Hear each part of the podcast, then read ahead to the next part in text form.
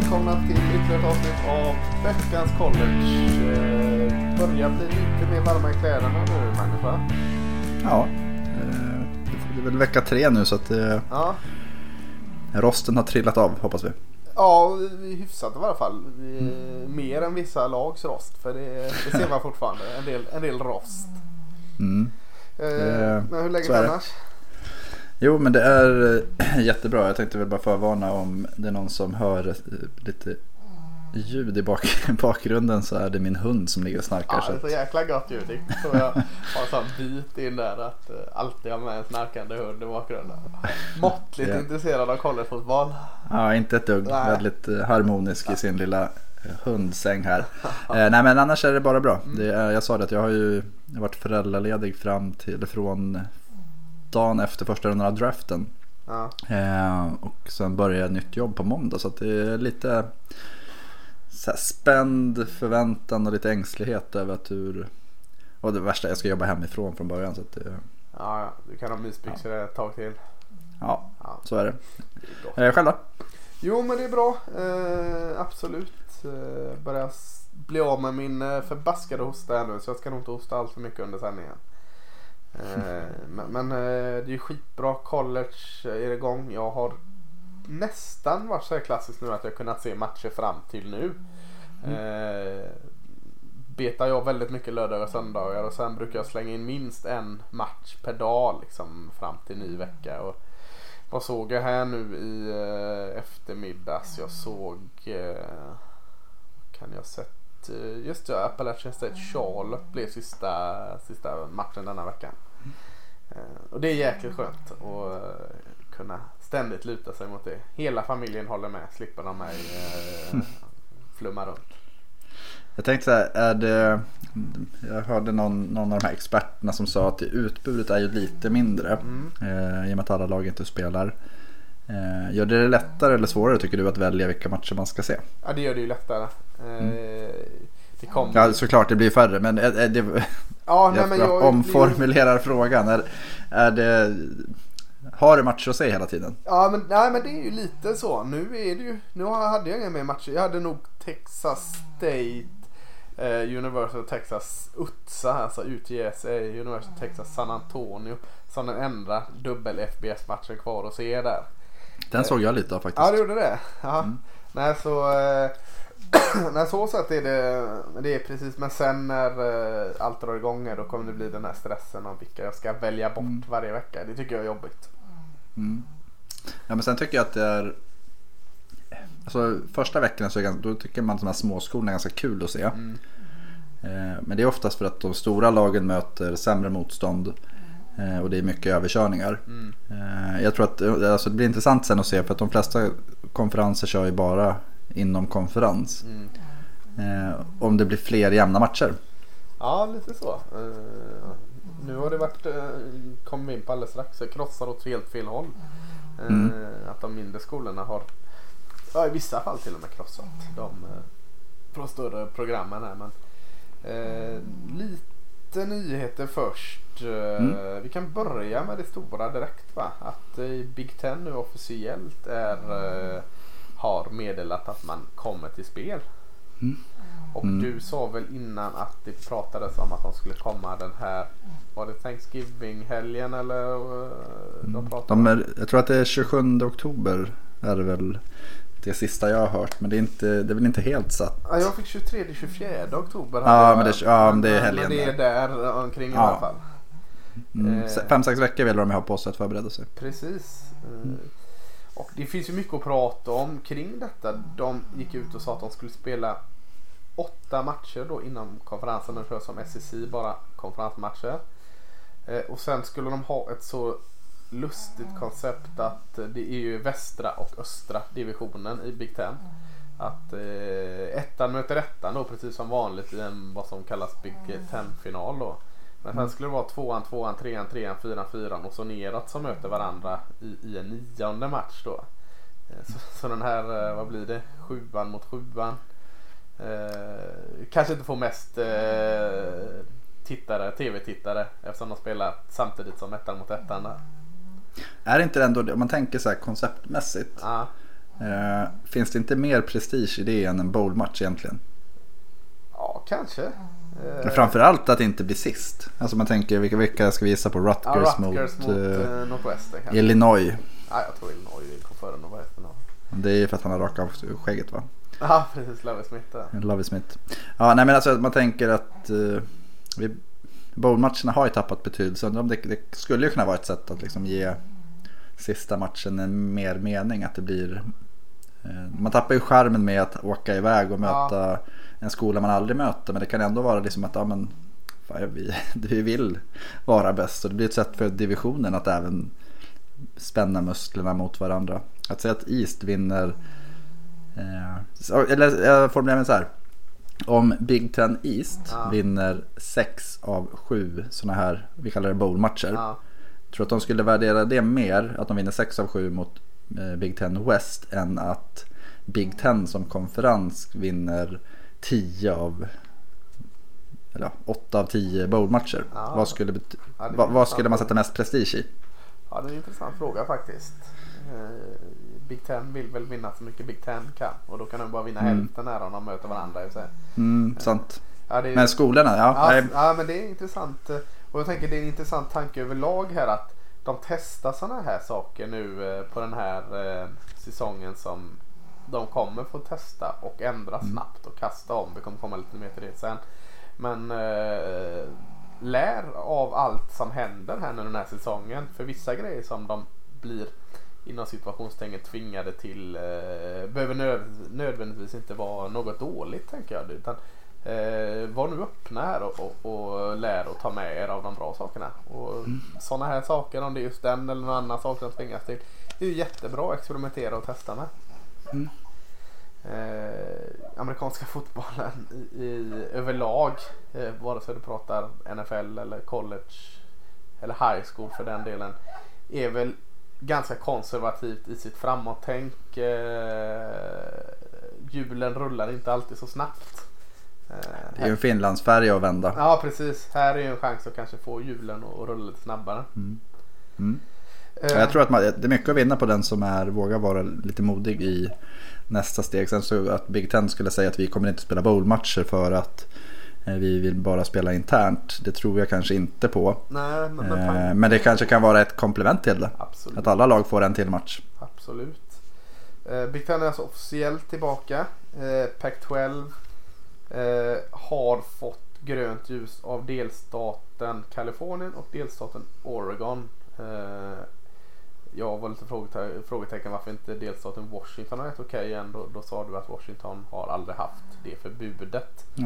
Eh, men inget officiellt datum där än.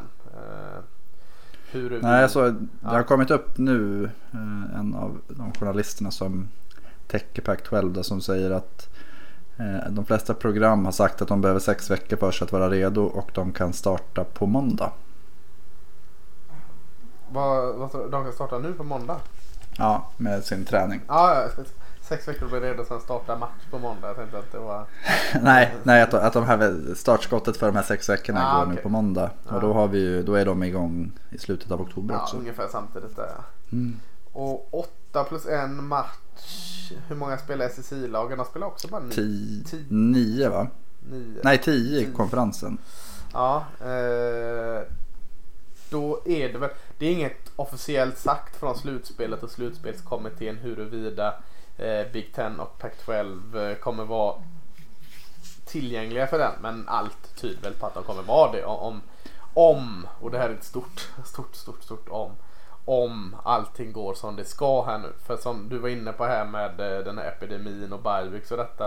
eh, Du kan, kan förklara lite här vad som, vad som ganska snabbt kan bli ganska fel. De, flä- de flesta program som körde igång för, om man tänker ACC och eh, Big 12. och- Big, Big 12, ja de har inbyggd, eh, SEC har också inbyggt eh, bye weeks Mm. för att eh, kunna flytta matcher. Och jag tror att det var 14 matcher som är flyttade hittills. Eh, alltså flyttade, inte cancelled, postponed och cancelled olika saker Mm. har man märkt nu. Eh, när den är postponed så skjuter man upp den så försöker man spela den på en ledig vecka. Eh, cancelled som Charlotte, North Carolina blev den här veckan. Ja, den kan, ta, alltså- kan ta exempel från denna veckan så har du Ja. BYU Army postpone, framflyttad. Mm.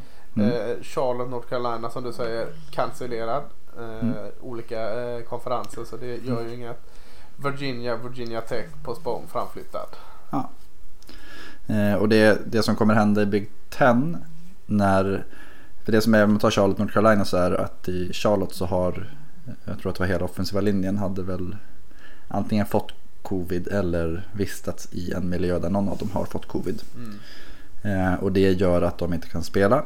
Eh, och sannolikheten att det händer i någon av de här andra skolorna på, i Big Ten sen framöver. Är det något lag som, ja det, det är ju, de möter ju bara varandra. Men det är ju ganska, relativt hög mm. att de kommer behöva ställa in en match och då är den borta. Och det är om man tänker att de börjar med åtta matcher och nio som någon form av bowlmatch eller vad man ska kalla det. Mm. Eh, och det, det intressanta blir ju att säga att Ohio State behöver ställa in en match för att Rutgers spelare har varit på samma bibliotek allihop och blivit sjuka.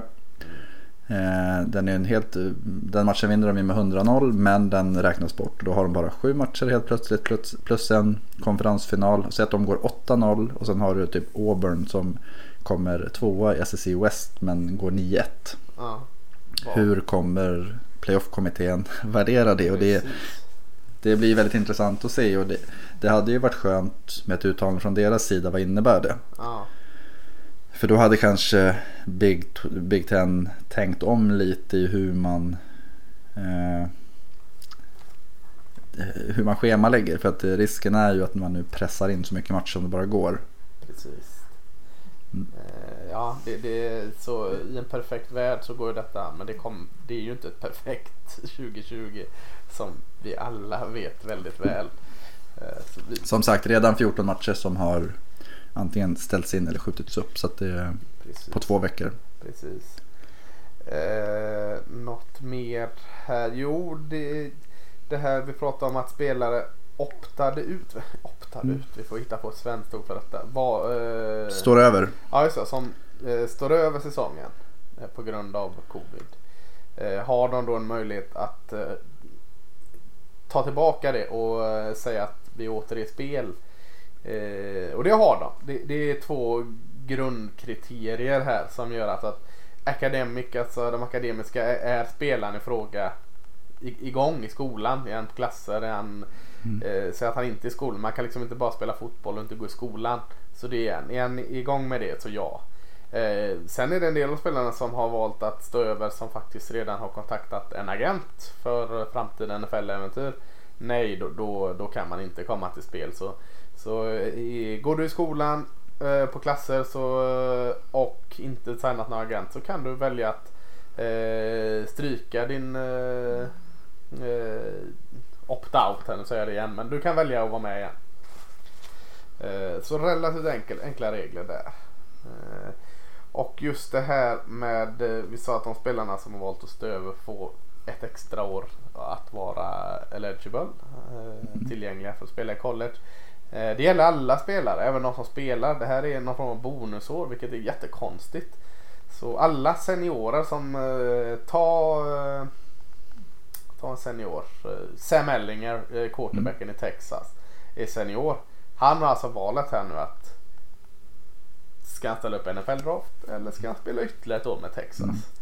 Mm. Eh, just skulle Sam Ellinger välja det här att nej men jag jag är ju die hard Texas Longhorn fan eh, sen eh, jag var We're back. De här jävla videoklippen har visat all oändligt. Till och med jag är trött på dem. Men Sam Ellinger säger att all, apart, all our eyes are upon us sjunger den. Mm. Men, det, men med Sam Ellinger är det enkelt. Texas hade ju gladeligen sagt ja men självklart kom tillbaka Sam Ellinger. Du får spela ett år till med oss. Eh, men det ställer ju till jättemånga andra problem. Alla de här spelarna som, som kanske inte är så där nyckelpositioner. Inte de här högst upp på eh, depth-charten. Seniorer som kanske inte har någon framtid i NFL som gärna vill spela ett år till i skolan. Men mm. så har ju skolan i fråga rekryterat in en helt ny ungdomsklass här med lovande spelare. Hur funkar det här? Vill, tar skolan tillbaka alla? Det, det gör de väl inte då, Magnus? Nej, jag tror väl att risken är att eh, Texas påverkas inte av att Sam Ellinger kommer tillbaka utan de här som du kallar marginalspelarna, mm. eller du sa det inte men jag vill benämna dem så. Eh, de kommer ju kunna lämna Eh, de flesta har väl förhoppningsvis gått ut skolan annars så är det ju en, ja, kanske de behöver sitt femte år att fokusera på skolan istället. Nej men att de kommer ju ha andra alternativ. Att de kan ju gå till, jag nämnde Stephen F. Austin som exempel, att, mm. alltså en mindre, mindre program. Men det finns ju alltså Group of Five-skolor och liknande också. Jag tror att risken är att de här små programmen kommer ha störst problem. De spelarna, för de har ingenstans att ta vägen. Eh, eh, Medan Texas spelare, de kommer ramla in i Texas State till exempel. Och sen så kommer Texas State-spelarna hamna i eh, division 2. Och sen där blir det ju problemet. Ja. Eh, någon form av eh, motsatt snöbolleffekt mm. Eh, mm. kommer det handla om. Mm. Eh, något mer av allt det här eh, specialregler och upp och ner vad som gäller eller ska vi kolla tillbaka till lite fotboll som var i helgen? Mm. Ja. Eh, var ju en spännande vecka två. Eh, du kallar divisionen för Funbelt. Funbelt ja. Eh, heter ju Sunbelt och anledningen att du kallar dem för Funbelt är att eh, de hade en jäkla fin vecka Medan Big 12 hade en bedrövlig vecka. Eh, först ut var det väl, eller om det var parallellt att Louisiana Raging Cajun ganska enkelt till slut besegrade Iowa State. Eh, mm. En jätteskräll. Ja, alltså på förhand var det en jätteskräll. Ja. Tittar man på matchen så kändes det som eh, den kändes, det kändes som att uh, Raging Cajuns var laget som spelade på en, i en högre konferens egentligen. Ja. Eh, och framförallt, jag, jag hörde du nämnde det i veckans NFL, våran, vad säger man, systerpodd, mm. broderpodd. Mm. Eh, att special teams är ju sånt som man märker på college-nivå att man inte tränar lika mycket på kanske. Nej, precis. Eh, mycket yngre spelare. Man har inte och de hade ju... prioritera det. Nej. Eh, Region Cajuns hade en touchdown-retur på punt och en touchdown-retur på kickoff. Och det var ju det som egentligen avgjorde matchen för dem. Förutom att de hade ett fint försvar. Offensivt så var det ju inte... Eh, de hade en längre touchdown-pass också på typ 75 yards kanske. Eh, men det var ju de här tre stora spelen som var skillnaden i matchen. Ja. Eh, och det... Det borde ju ha en direkt avgörelse med att Iowa State då kanske inte har förberett sina assignment i special teams. Mm.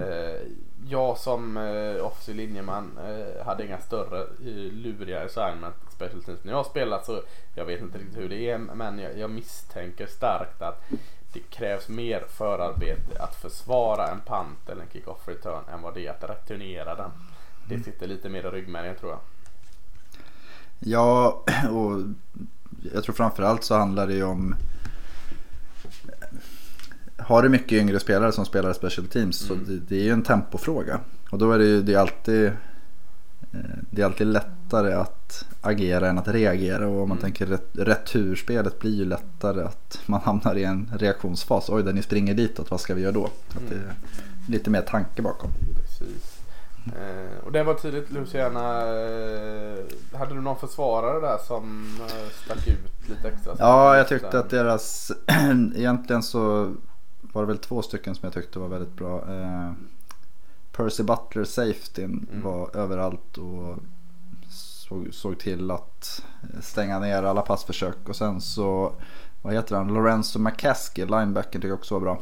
Eh, stabil spelare som har fart och eh, visade fin spelförståelse här också och kom ofta rätt mycket tacklingar. Ja, eh, ja, det tar sig i kragen för Mike Campbell och Purdue och Iowa State här. Mm. Eh, för det, det började inte bra. Eh, Nej. Parallellt till Santanevalen var strax efter så eh, åkte Arkansas State och mötte Kansas State i The Little Apple, Manhattan, Kansas. Eh, och där var det ju cross. Arkansas State körde över Kansas State. Eh, mm. Det var inget snack om det. Kansas State var helt eh, borta. Försvaret var bedrövligt. Det som jag tyckte hade ändå steppat upp förra, förra året. Var tillbaka i gamla synder och eh, Arkansas State en jätteprofil där var wide receiver Jonathan Adams som gjorde, mm. jag tror han gjorde två eller tre sådana här som kanske lite felaktigt kallas för uh, Odell Beckham Jr catcher. Alltså att han gjorde spektakulära fångster med en hand ute på sidlinjen. Eh, ett par sådana och dessutom tre touchdowns så hade man verkligen en matchvinnare för Arkansas State här Mm. som, som både du och jag sa lite att eh, efter vecka ett här Ja, såg inte Memphis lite sega ut? Ja, men Mm. kanske var det så att Arkansas State såg eh, ganska starka ut mot dem. Memphis vann ju den matchen och, och då var vi nog på någonting att Arkansas State gjorde match av Memphis för att Arkansas State är ett ganska bra lag i. Mm. Eh, Och sen en annan intressant eh, aspekt i det hela är att det var ju Kansas States första match för året och Arkansas States andra. Mm. Eh, hur, hur mycket det påverkar också. Att det, jag vet jag läste om hur Navy hade, de vart ju eh, sänkta mot BYU och där pratar ju heter han, Ken, hawaiianskt efternamn, om att de hade inte tränat med tacklingar under veckan. Ja, just det. Eh, och det gjorde att de var inte beredda helt enkelt. Nej. Eh, men det är också en sån här att eh, de har ju haft kortare höstcamps och i vissa fall väldigt begränsade. Och det, jag tror att match, eh, många lag kommer nog behöva en, två matcher för att liksom, som oss, skaka av sig rosten. Ja, precis. Eh, där har vi två Sunbelt-skrällar mot Big 12. Vi har en tredje eh, Sunbelt-skräll också. Det var, visst är den Sunbelt, Coastal Carolina? Nej. Nej, det är den Conference USA. Jag ska, jag ska kolla. Jag ska blä- bläddra i min, i min eh, lilla bok här och se vad, vad Coastal Carolina är. Det är, det är, det är, det är Sunbelt. Jo, det är Sunbelt. Är det så? Har han flyttat upp dit då? Ja, eh, Coastal Carolina är Sunbelt. Så eh, de krönte aftonen med att köra över Kansas. Kansas har blivit överkörd av lag förut så sett. Ja, det är den fula ankungen av Big 12. Eh, Ja, Power 5 skulle jag säga. ja, du har Rutger med där också. Som de slog Ja, fast- Boston College slog de förra året tror jag. Eh, men hur som helst har de en liten så här, det var lite swing Les Kansas Miles, va? Med Les Miles som coach Ja. och Puka Williams som eh, dynamisk running back. Hjälpte ingenting. Coastal Carolina var bättre från start till mål. Eh, en freshman QB i Grayson McCall som var jättebra för Coastal Carolina. Så eh, tre, tre Sunbelt-lag slog tre Big 12-lag här. Mm.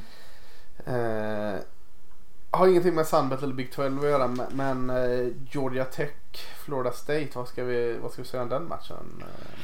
Eh? Eh, otroligt imponerande start för Mike Norvells Florida State. Eh, Första driven.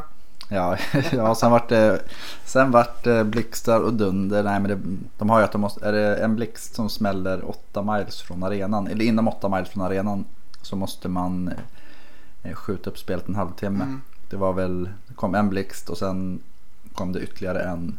Och sen var det väl en, de sköt upp lite över en timme.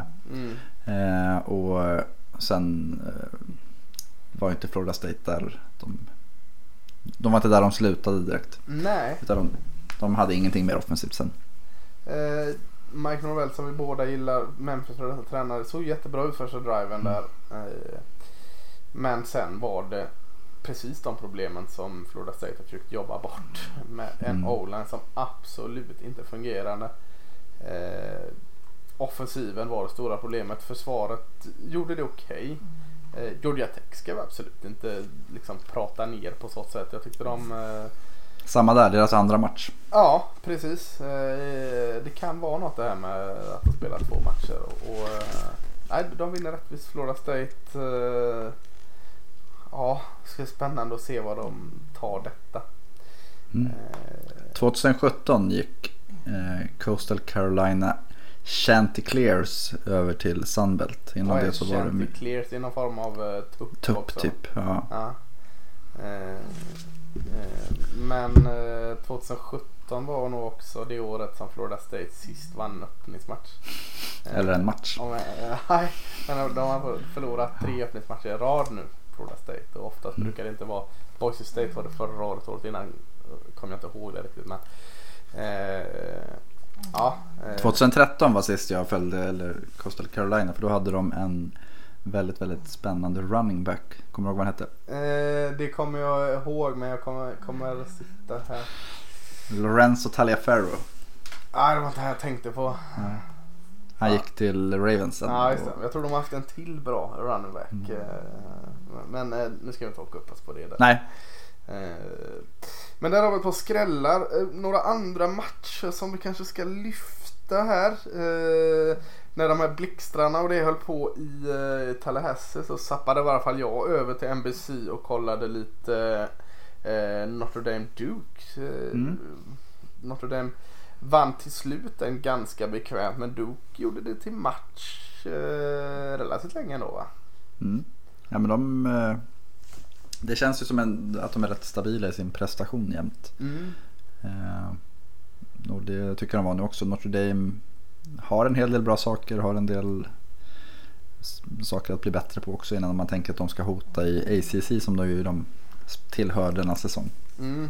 Vi ska prata lite mer om Notre Dame sen. Vi ska kolla på en match som de spelat i helgen. här, Men kan ju nämna Duke att eh, kom, Cutcliffe tränaren är ju gillas och, och eh, lyfter upp att han är duktig på att utveckla quarterbacks med Mannings och allt vad det är där. Mm. Men, eh, och Daniel Jones i Giants gjorde en bra match i helgen. Eh, Mm. Chase Bryce, ny quarterback, eh, flyttade från Clemson där han såg att det är nog ingen större eh, möjlighet för mig att eh, ta Trevor Lawrence jobb. Så han flyttade till eh, från South Carolina till eh, North Carolina och Duke, eh, Chase Bryce där gjorde det jättebra tycker jag.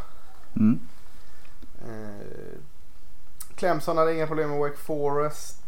North Carolina hade lite trögt i början mot Syracuse men sen eh, inga större problem mot dem. Eh, Louisville vann enkelt mot Western Kentucky. Där har vi Mm. lite mer lag som, som är nog intressanta. Mm.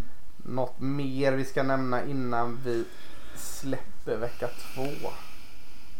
Ja, nå- någon spe, några spelare kan väl ta ut som... som eh, ja, jag vill ju försöka tona ner det här med att liksom lyfta upp mitt kära Texas Longhorn på en pedestal.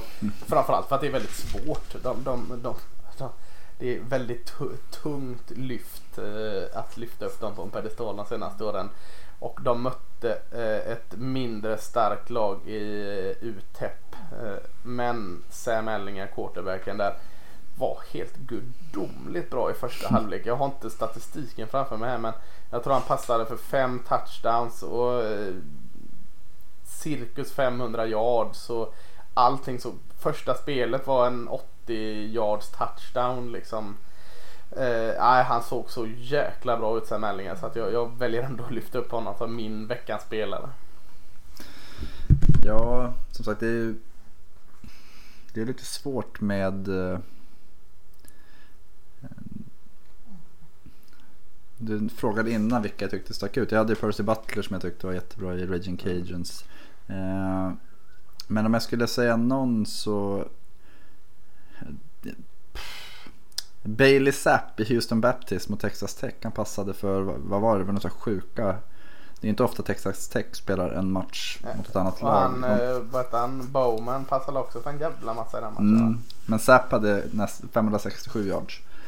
Eh, Ska du dra upp Houston Baptist här också? Du får bara hålla dig inom division 1. ja, ja, ja, men jag, ty- jag tyckte att det var, väldigt, det var anmärkningsvärt inte ofta. Det är inte ofta vi ser det. Nej, men Storm Duck. Storm eh, Duck ja. I. North Carolina. Och eh, jag får väl säga att eh, vet han, Chaz Surratt också, linebacken. Mm. Eh, De två, de vann ju komfortabelt North Carolina i slutet. Eh, Men det var jämnt ett tag och det var deras försvar egentligen som gav dem lite andrum. Eh, Sam Howell gjorde väl inte sin starkaste insats, hade två interceptions. Ja. Eh, Men jag tycker just att eh, Chaz Surratt och Storm Duck var det är två spelare som vi nog kommer få se på söndagar framöver. Mm.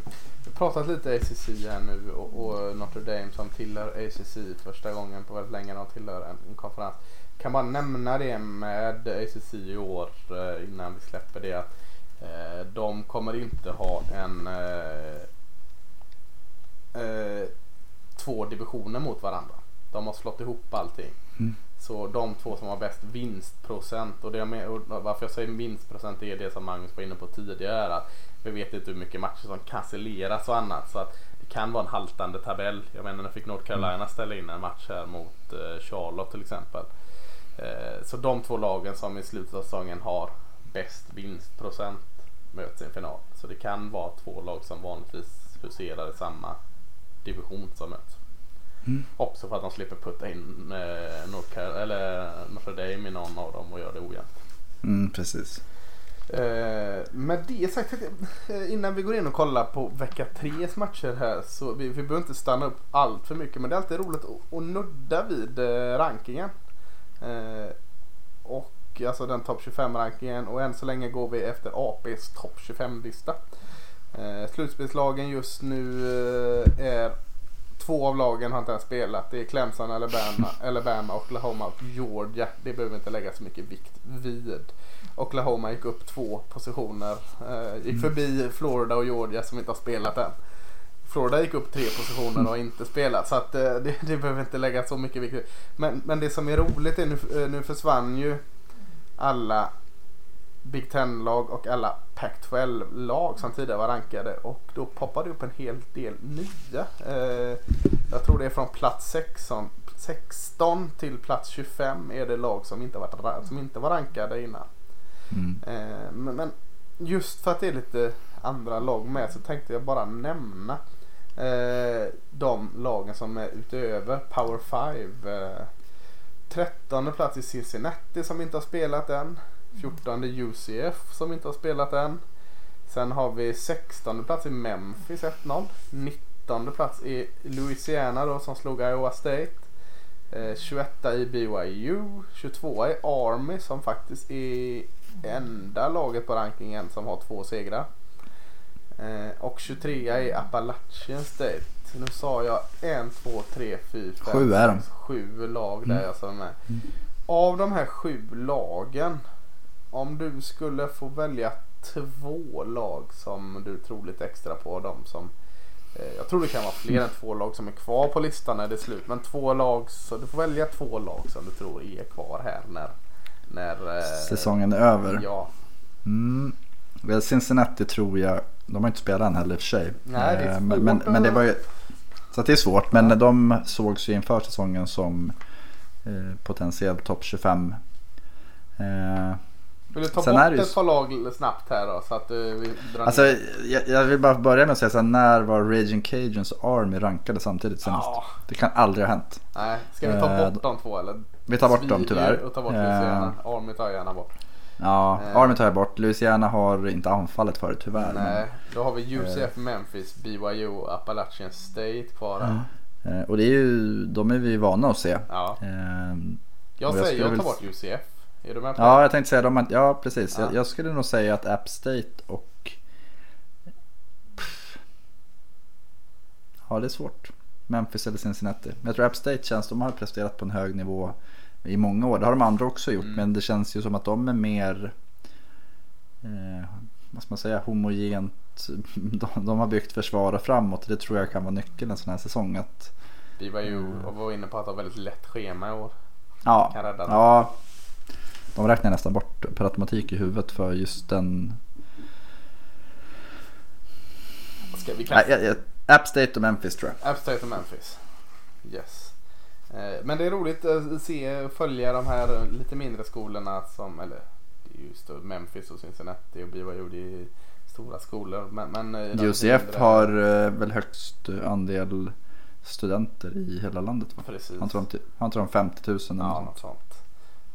Eh, Så, men, men ifrån eh, kanske mindre framgångsrika konferenser eller stora Mm. konferenser. Så det är kul att följa det. Mm. Eh, vecka tre, det är fortfarande lite så här. Vi kan nog leva vecka du frågade om det är svårare och lättare att välja matcher eller eh, att få matcherna att räcka till. Det här är väl sista veckan som eh, jag då i stort sett kan se alla matcher. För det är fortfarande lite så här att det är lite få matcher igång och det är ganska mycket lag som fortfarande får in sina bye weeks. Vi har mycket Big 12-lag som eh, inte kommer till spel här och, och, en, och en del andra lag. Men, men eh, om vi ska ta fram ett par 18 matcher då. Vi, vi kan börja med den som går på ISBN i, i eh, ett eh, det är inte Bedlam-derbyt eller Bedlam-serien men det är ändå en Oklahoma-derby här mellan eh, Tulsa och elfte-rankade Oklahoma State. Eh, Mm. Oklahoma State favorit. Eh, precis som Iowa State var mot eh, Louisiana. Eh, Men ändå lite småcharmig spännande match va? Ja, jag har nog sett, eh, du sa att Oklahoma State favorit. Jag har sett ganska många som tror att Tulsa tar den där. Eh, De har ju starkt De- offensivt alltså. Mm. Ja, och de, eh, de här lagen har ju mötts eh, fyra gånger under 2010-talet. Mm. Och lägsta scoren var förra året när Oklahoma State vann med 40-21. Annars har de haft 59, 59, 65 poäng och det... Mm. Ja, jag kan ju inte se att Halsa tar detta alltså. Men jag kunde Ingen av lagen har spelat än. Nej. Eh, och det är... Jag tror att det skiljer, ja, de tippade över tre touchdowns till Oklahoma State. Och jag, ja, nej, men det, det blir väldigt intressant att se vad, vad Tulsa bjuder på. Det, kan, det, det kan sluta med en high scoring game som är jämn och sen kan det sluta som sagt så här 60-14 på något vis till Oklahoma State. För de har ju mycket, mycket fint kvar. Ja. Tulsa har uh, stark offensiv. De har en rutinerad quarterback i Sex Smith. De har st- stort sett hela linjen kvar. Eh, och även eh, tillbaka running backen Shamari Brooks. Och så har de två bra receivers i Stokes och Crawford där. Så att offensiven är, är bra i Tulsa. Det är väl att deras defensiv kanske inte riktigt är eh, så, ser så stark ut. Framförallt mycket nyare. Mm, och tittar då på att eh, Oklahoma State har, de får tillbaka Tylen Wallace som pajade var det korsbandet förra Mm. året. Eh, annars hade han, där. och sen eh, Shabba Hubbard. Precis, och så har de en spännande dual threat quarterbacken där Spencer Sanders ett år Mm. eh, mer rutinerad.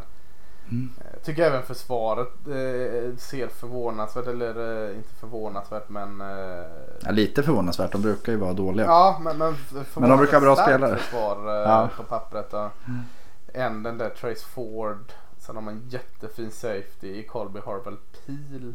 Men, men den jag gillar kanske mest är, jag vet inte om han är linebacker eller vad vi kan kalla han edge. Det är ju han, I men, eh, vad heter han, Ogbon eh, Bemiga. Bemiga, Ogbon Bemiga såg ju jättebra ut förra året. Så att eh, Mm. jag har lite Oklahoma State som en sleeper från att faktiskt vara eh, i Big 12 final i år. Ja, de har ju bra pusselbitar framåt för att eh, lyckas med det. Jag tänkte en... Eh, Cowboys brukar ju ha på college-nivå bra edge rushers. Mm. Eh, men de lyckas aldrig i NFL. Nej, det kan stämma. Alltså, det- vad heter han? eh, Pickford vill jag säga. Jermaine Pickford. Stämmer det? För något år sedan. Jag tänkte på han som var i Cleveland som inte Ja, är nu. Og, Ogba. Ogba. Emanuel Ogba. Ja, men det, de, de har ju ofta väldigt, väldigt bra spelare på... eh, Ja, på edge-positionen, som ja. pass rushers. Men eh, de får inte riktigt till det när det väl ska... Nej, det kan nog stämma. Vad beror det på? Eh, vad beror det på? Det eh, kan ju inte bero på att de har så eh, bra defensive tackle som hjälper dem heller. För det är ju inte rotat marknaden på NFL med defensive tackles från eh, Oklahoma State heller. Det, det är väl att eh, lätta och snabba är enklare att vara Mm. i college än vad det är att vara i NFL. I en tanke kanske. Jag har ingen liksom, fakta som backar upp det men, men eh, snabbhet kommer undan med kanske lite mindre body size i, i college än vad du gör i NFL. Är du snabb i NFL och inte tillräckligt stark så ligger du nog i marken ändå. Ja. Jag, jag sa Jermaine Pickford. Han heter Jordan Brailford. Ja, just det. Ja, han var, Eh, vad sen- hade han? Eh, han vart släppt från något lags practice squad såg jag här. Ja, okej. Eh, sen hade de väl vet han, Calvin Bundage också en, som Mm, linebacker yes. som jag tyckte. Ja. Nej, det, slog mig bara att det är ofta de eh, har intressant att spela där. Cardinals. Nej, eh, Washington football team har Brailford varit i. Ja, okej. Eh, nej, men det är intressant ändå. Jag tror att det ligger lite i det du säger i att de har en typ, en just speed vill de ha in och det är, Mm. det är kanske för att man spelar Big 12 också att det behövs för att det går fort. Precis. Du måste liksom slå din gubbe och vara på quarterbacken på två sekunder annars är bollen borta. Precis. Oklahoma nu har de de sista åren haft det enklare att rekrytera, rekrytera men annars är det en brutal marknad Oklahoma, Texas där det är bra många skolor som snor liksom de fulla paketen för Oklahoma State så då kanske de liksom får nischa in sig på Att ja, vi kan inte ta femstjärneprojekten men vi kan ta, vi kan nischas på speed. Eh, så kanske Mike Andrew har fått göra och det har ju ett Mm. resultat. Eh, Mm. kan vara en anledning också. Ja, lite som BYU eller eh, vad heter de andra? Utah. Att de plockar, Ja, nej precis. Boise State. Att man plockar kroppstyper som ingen annan ville ha. Ja men precis, ja, men du har varit inne på det med Boys innan där. Mm. Och, och, eh, man kan ju också lyfta den frågan med Boise State. Att eh, du har eh, spelartyper som inte fullt har lyckats i NFL sen. Mm. Ja, jo tack. Det Ja det vet. Kamalei, Korea och... Ja. Eh, Så det kan ligga i något i det. Mm. 18.00 har vi även, eh, eh, det har varit Oklahoma derby så har vi någon form av Texas derby här. Eh, I Waco kommer Houston och möter Baylor. Kanske går på Fox. Eh, det är andra året väl för denna Holgerssons eh, Air Raid system som man Mm. har installerat i va? Eller är det tredje? Nej det är andra året va? Andra. Ja. De Eh, hade ju, vad hette han då? Applegate Apple, vill jag ja säga. just det, han gamla Texas-koordinatorn. Ja. ja. Just det. Major Applewhite. Major han? Applewhite, ja, gammal Texas-QB till och med. Mm. Eh, hade ju inte King, quarterbacken, större delen av förra året heller. Han valde ju att uh, stå över efter fyra matcher och, och du hintade om redan då att det är nog att han kommer transfera. Det hade du så Mm. rätt i. Han är Miamis quarterback nu. Eh, nu har, körde han in Clayton Tune där istället som eh, kan bli intressant han också. Vet du vem som är backup? Eftersom du säger så så borde jag ju veta det. Nej, det är inte självklart. Nej, nej. Han heter Logan Holgersen. Alltså är det pojken? Ja, det måste ju vara det. Ja, ja det är klart det är. Ja, det är spännande. Eh, men men eh, starten Clayton Tune tycker jag i alla fall. Det är inte King som quarterback men ganska intressant. Eh, tror han kanske passar lite bättre i denna Holgerssons system än just vad King gjorde. Eh, Men jag, jag läste en artikel som sa att det enda, det enda bra med Houstons försvar förra året var att de var 11 på plan. Ja, jag har ändå skrivit det också. Eh, försvaret? Frågetecken, frågetecken, frågetecken. För Det, offens- det, ja, men det, det vi så, Holgersen har ju inte alltid haft bra försvar. Nej, han det känns som att han inte bryr sig om försvaret. Nej, Defensiv koordinator, materialen, kan du ta den eh, rollen eller? Du kommer inte få rekrytera. Nej precis. Nej för defensiven är ju fortsatt det stora frågetecknet där. För offensivet är, ju lite så. Det, det funkar ju under hans air raid. De har en running back Kyle Porter som eh, är bra. Sen har de en jättebra receiver som med Marcus Stevenson som passar bra i det systemet. Så offensiven är nog inga problem. Defensiven är ju då att eh, Problem. förhoppningsvis har de 11 man på plan även i år. Mm. Ja, men det blir intressant när de möter ju Baylor nu som inte har kvar Matt Rule. Men det har vi ju sett rent historiskt de här senaste åren. att eh, vad ska man säga, Program som har haft en bra coach brukar ju kunna liksom leva vidare på det ett tag till. UCF hade ju efter att eh, Scott Frost gick så har de haft ett par bra säsonger och så vidare och så vidare. Eh, men det, det är frågan är Baylor gick ju från att vara RG3s Baylor med eh, vad hette den andra quarterbacken Art- som kom efter? Eh, Ja, Art Briles. Vi kan väl Florence hette han någonting. Ja, Eh, Med Art Eh, Briles där ja. Art Briles eh, överlag så kan vi säga att det var ju, ja han, hette, han gick ju till Jets va? Eh, han var inte den Trevor Florence eller? Ja det var en annan, vi återkommer. Ah. Eh, Men, men Art Briles Eh, anfall Bryce som, Petty. just det, Mm. Petty. Eh, nej men nu är det Charlie Brewer men framförallt för Baylor förra året så var det ju stabilt försvar. Precis och, och nu har de ju en ny eh, headcoach som också är Mm. försvarsinriktad i eh, Dave Aranda som var DC för LSU förra året. Mm. Eh, Så det kommer ju rutin där. Men hur mycket har hunnit jobba med dem? Jag tror det är två startspelare som är tillbaka i försvaret. De har ju tappat Mm. väldigt mycket eh, rutinerade spelare. En hel del till NFL till och med. Så att han har ju väldigt mycket att liksom eh, jobba in där och har inte riktigt hunnit göra det då med som det sett ut här. Så även att, som du säger, att de lever kvar i det Matt Rule har så, så är det ju mycket att ersätta. Mm. Charlie Brewer nämner du quarterbacken här. Det är ju något att luta sig mot. Jättebra i offensiven. Alltså skönt att ha han tillbaka. Mm. Eh, vad heter han? Taekwon Thornton också, receiven där kvar. Så att, eh, ja, det ska bli spännande att se hur Baylor tar sig an detta med så mycket borta i försvaret med True borta. Eh, jag känner ändå att jag är mer säker på att Baylor vinner mot Houston faktiskt än, äh, än Nej jag kan inte säga att jag är mer säker på det än att Oklahoma State vinner. Men, men jag känner mig ganska säker på att Baylor vinner denna i varje fall. Mm. Ja. Vad, känner, vad känner du? Nej men jag, jag tror det. Alltså, Houston någonstans... är på väg neråt känns det som. Ja. Gör det? Igen. Det, ja det vore ju synd för Holgersen. Mm. Eh, såklart. Men nej men Baylor känns ju som att de fick in en stabilitet. Eh, och Aranda är ju inte en, det är inte en idiot som kommer in och tar över. Nej. Så att han, han har ju en struktur att bygga kring. Och det, jag tänker att eh, det som Herman byggde upp i Houston har ju, det är ju borta. Mm. Holgerson och Applewhite har absolut inte kunnat liksom bygga vidare på det. Och nu, nu är man ju ett eh, middle, in the bunch lag snarare än att man var ett lag som hotade om. De slog väl Oklahoma här för fem år sedan under ja, Herman. Så att, det var väl sist han vann mot Oklahoma va? Ja. nej. Eh, nej men att... Eh, ja nej men Baylor vinner. Ja. Eh, 20.30 har vi South Florida som möter sjunde rankade Notre Dame i, i Notre mm. Dame. Eh, matchen går på en kanal som inte sänder så mycket fotboll vanligtvis. USA heter den. Eh, får se vad man zappar in den någonstans. South Florida har vi någonting att säga där. De har ju ny coach Jeff Scott som var någon form av QB, offensiv koordinator-coach i, i Clemson innan. Mm. Mm. Eh, offensiven var ju bedrövlig förra året. Kan, kan han få, klart, få, få fart i den?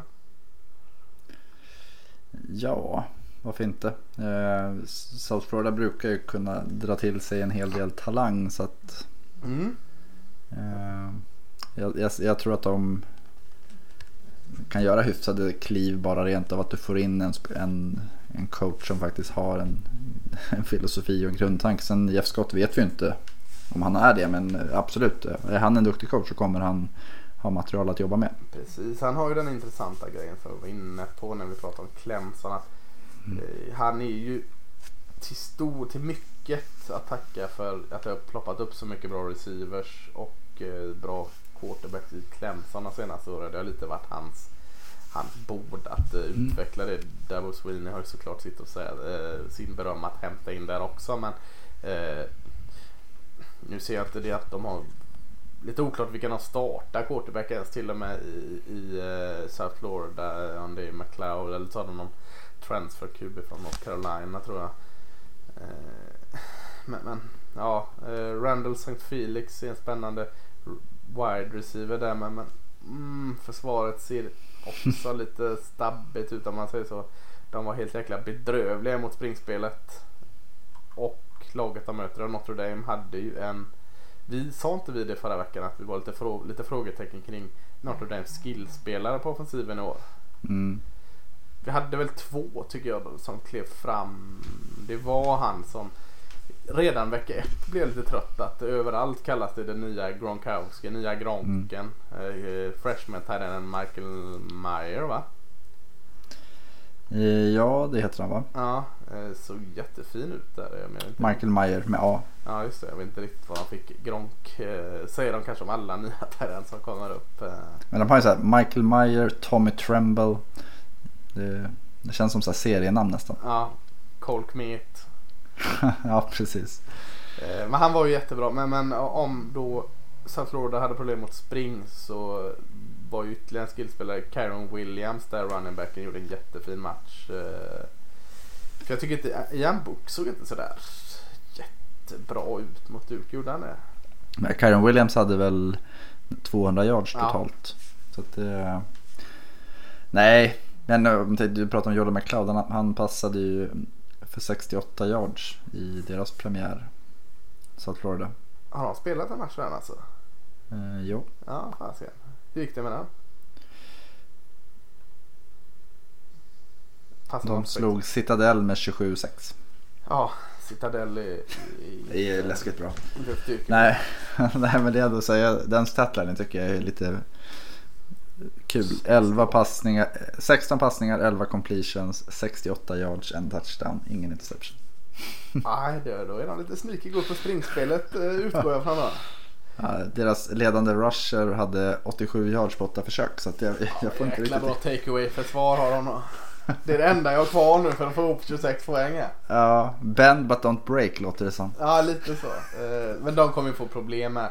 Eh, Även deras offensiv möter ju ett starkt, väldigt starkt Notre Dame-försvar. Eh, Tycker deras D-line såg jättefin ut mot, mot Duke. Eh, Linebacken Oso eh, Koramoa.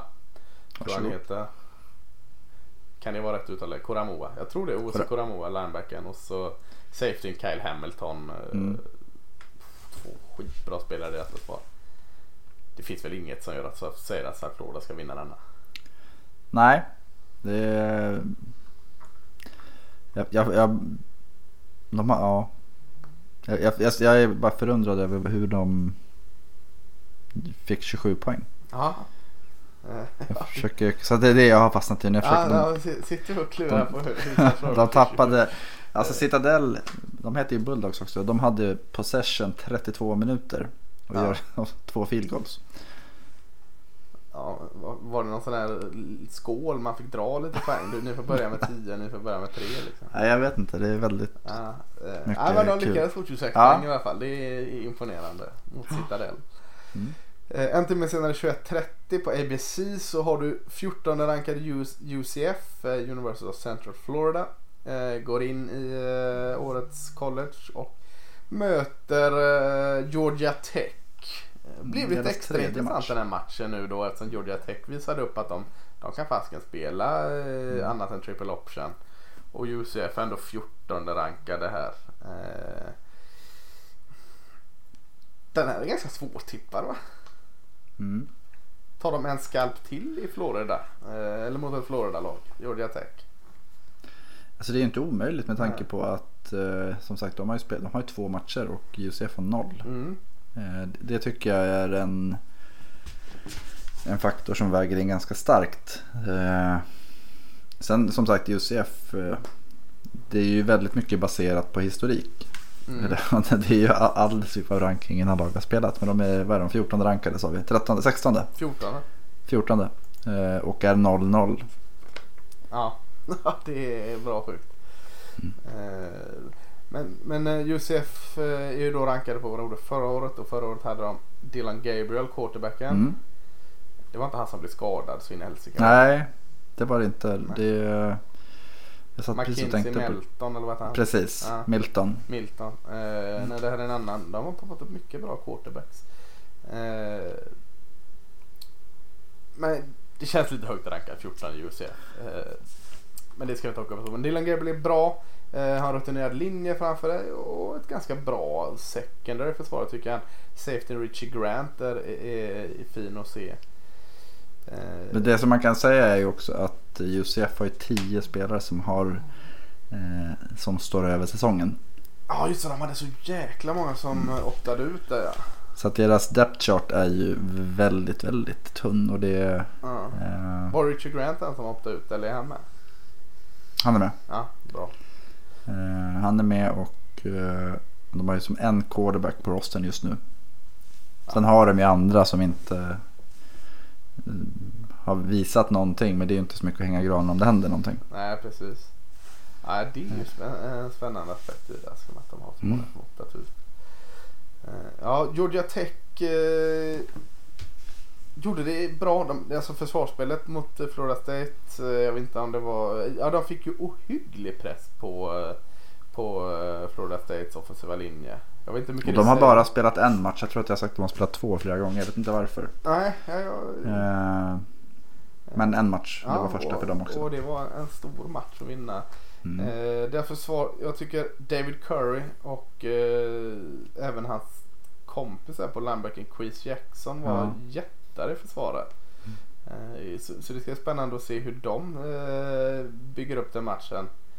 Eh, I offensiven running back, de springer ju alltid bra gjorde jag tänkte. Det, det liksom ligger i ryggmärgen. Men Jordan Mason sprang fortsatt bra. Och, och, det som man inte säger så ofta om Tech. En bra receiver i Malachi Carter tyckte jag också såg bra ut. Så att, jag tror nog jag säger alltså. Om inte det här har stigit dem över huvudet Georgia Tech nu så tror jag nog de kan gå 2-0 här. Och, eh, nu var inte Florida State rankade men, men har slått ett rankat UCF och slått ett Florida State. Då är det Topp 10 va? Då är det tjänstefel om varför inte Georgia Tech är rankade nästa vecka.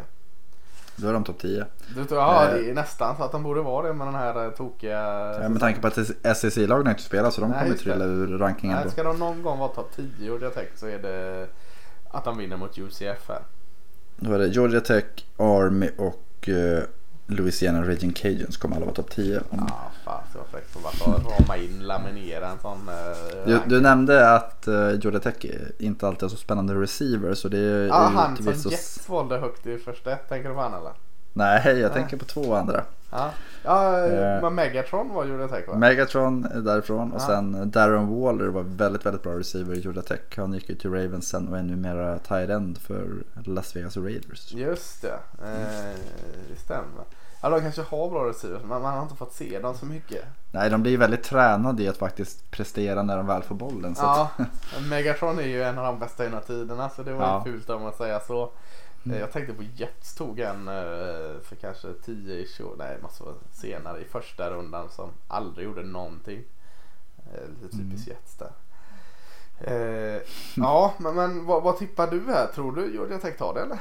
Jo men det tror jag. jag alltså, jag varit imponerad av deras försvar. Mm. Eh, och, och, det är också svårt att veta om det handlade om att eh, Norwells skriptade spel var färdiga efter första driven eller om det var Eh, men ändå att de, de hanterade en tuff bortamatch, för den första driven mot sig. Eh, ett uppehåll på det. De visar ju att de har ett lag som faktiskt kan hantera väldigt, väldigt mycket saker som händer samtidigt. Eller att ingenting händer. Så att, eh, olika, olika scenarion. Så att, men jag tror att de plockar den där. Mm. Nej, jag, jag tror det faktiskt. Veckans match tycker i alla fall jag det är. Det borde det väl vara. Det är två rankade lag som möts. 01.30 på ABC har du 17 rankade Miami mot 18 rankade Louisville. Tycker jag känns som en riktigt bra match. Mm. Det är väl som du säger veckans match. Ja. Eh, Miami, vad var det de mötte? De mötte, var det eh, Birmingham-laget där? UAB ja. UAB där ja. Mm. Var väl lite halvtrögt va? De vann och gjorde en okej okay match. Derek King gjorde en okej okay match. Eh, men, men var de sådär, de behövde kanske inte vara sådär bra. Men, men... men för, för ett år sedan hade de förlorat den matchen. Ja, det är sant. De kändes lite mer trygga kanske. Brevin ja. Jordan, Tyrenden var jättebra i den matchen mm. också. Så. Jag tror jag la upp en, eh, ett klipp på våran Twitter. Eh, just den här liksom att Derek King har ju han har ju kvaliteter som gör att de kan flytta boll. Ja. Att han kan göra touchdown. Så det, det, det, har man ju saknat de senaste åren. Med allt vad med Nkosi Perry och... Ja, jag har glömt bort vad... Vad hette han som var Brad Kaja? Ja just det. Han trodde man ju mycket på alltså. Ja. Jag Ja jag med. Det var ju, han sågs som en så här, första rundspelare mm. efter sin freshman år. Nej men de hade ju både han och Cameron Harris är ju som bollflyttare och playmaker. Så det det var liksom kul att se att det funkade och flöt inte riktigt men de, de hade ett par gyllene spel som faktiskt gjorde att de vann ganska behagligt och det, mm. det har ju Miami saknat. Precis, och Menedias försvar såg ju faktiskt eh, mm. ganska bra ut. Mm. Eh, framförallt secondary såg sådär tufft ut som ett Miami secondary ska göra. Så att eh, det fanns gott där att hämta trots allt och det mm. känns som att de sparar väl lite på lagren där. Louisville eh, övertygade betydligt mer när de enkelt slog Western Kentucky. Eh, tyckte också att eh, runt hela brädet att det var en bra insats. Eh, jag tror jag skrev upp tre linebackers som alla var riktigt bra i Louisville. Eh, Double Monty. Ja, eh, just det. Monty Montgomery var väl en av dem där. Men det var, det var ett par till som, som var riktigt bra. Eh, ändå är det offensiven jag väljer att lyfta fram. Eh, Eh, Quarterbacken Cunningham såg jättefin ut. Runningbacken Jaron Hawkins fin. Gamle känns som har varit där så länge. Receiven Death Patrick. Mm. Bra. Lite synd att man inte fick in Tutu Atwell mer i spelet. Det kändes som han, han är en sån jäkla playmaker och som inte riktigt använde sig av han tillräckligt. Fick mycket double teams och sånt såklart Mm. men, men visst känns Louisville fortsatt spännande? Mm. Jo men det är som sagt att det var ju en match som eh, gav mer smak. Idag är faktiskt årsdagen från när Lamar Jackson hade sin breakout match mot Florida State. Han gjorde väl, de vann väl med typ 61-7 eller något sånt där. Eh, Hur många år det- sedan? Det är väl 2016 va? När draftades han? 2018? 18? Ja. Jag tror att det var första året som han var liksom starter. Som Kom han in? Han kom in efter Teddy Bridgewater va? Ja, ja det var någon annan mellan. Ja, sen kom han, han jag, jag vet att jag kollade första matchen han fick hoppa in i. Ja. Och, tänk, och tänkte att kul spelare kan inte passa bollen. Men det har, han ju tagit hyfsade kliv sen dess. Verkligen. Eh, nej men att jag nämner det är ju ändå att om man tänker Mel Cunningham och det här Louisville. Att det, det har ju liksom, de hade ju en väldigt tydlig identitet med Lamar. Ja. Eh, och sen har de fått som, ta några år på sig för att sudda ut det. Eh, och det känns ju som att det här skulle ju kunna vara en sån match där de faktiskt eh, blommar ut igen och verkligen visar att ja, vi är på riktigt i år. Om du nämnde att det är vinstprocent avgör vilka som går till slutspel eller går till final. Mm, precis. Eh, vinner de den här så är de ju väldigt, väldigt eh, välplacerade för en sån sak.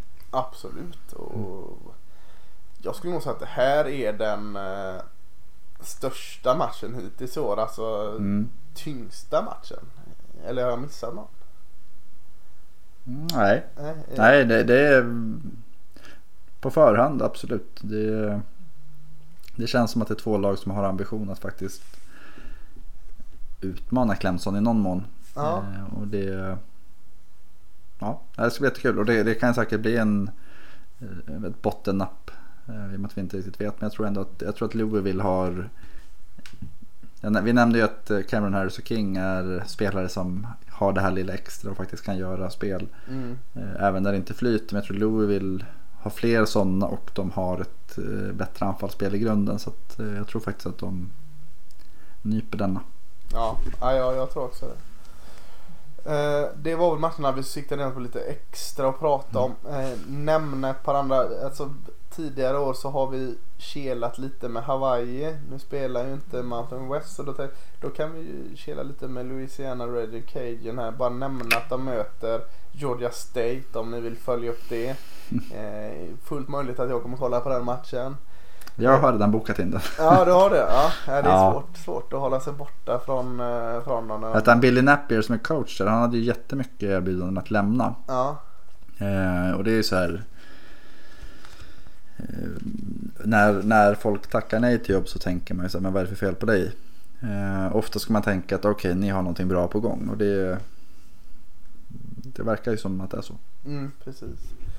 Lite andra rankade lag som spelar Pittsburgh är faktiskt rankade. 25 rankade. De tar sig an Syracuse. Det är en Eh. trött match. Ja, det är det. Eh, men eh, vad heter han? Pickett, quarterbacken Mm. i Pittsburgh där. Kan vara kul att se ibland. Appalachian State rankade möter Marshall. Vi Mm. har eh, första rankade Clemson möter då Citadel. Eh, Ja, det blir ett eld, då har vi faktiskt någonting att jämföra. Ja, då får vi se eh, hur eh, South Florida står sig. Verkligen. Men, men den, det är ju, SMU är väl inte rankade i sig när de möter North Texas där. Har vi något mer rankat lag som är uppe? Nej det har vi inte eftersom North Carolina Charlotte var in, eh, cancellerad där. Mm. Eh, nej men det, det är väl eh, Det här är väl sista om vi ska säga lugna veckan vi har eh, för i år va? Ja. Sen börjar det ju Sen börjar SEC och det börjar verkligen eh, hetta till och de här många har ju bränt eller bränt men må- många har inte bye weeks på ett tag ännu så vi kommer få fullt ut ACC mot ACC, Big 12 mot Big 12. Eh, Alltså bara kolla på det här, alltså lyssna på det här. Mm. Söndag, eller lördag 26 september så är det Florida Ole Miss, det är Kentucky Auburn, det är Louisville Pitt, Georgia Southern Raging Cajuns, eh, Oklahoma, Texas, Texas State. Tech. ja. Ja, så att det är som sagt Georgia, Arkansas, det är väl sådär. Eh, nej, men det är väldigt mycket bra lag. State. Ja, är... eh, Florida State, Miami. Ja, herregud. Eh, Men nu går vi händelserna i förväg. Mm. Ja, här, jo, men det är ju lätt, det, måste man få göra ibland. Förhoppningsvis så kommer vi spela in en podcast nästa vecka igen och då kommer vi prata om de här matcherna. Mm. Och vi kommer prata kanske om någon skräll. Ska vi hinta om en skräll vecka tre här eller?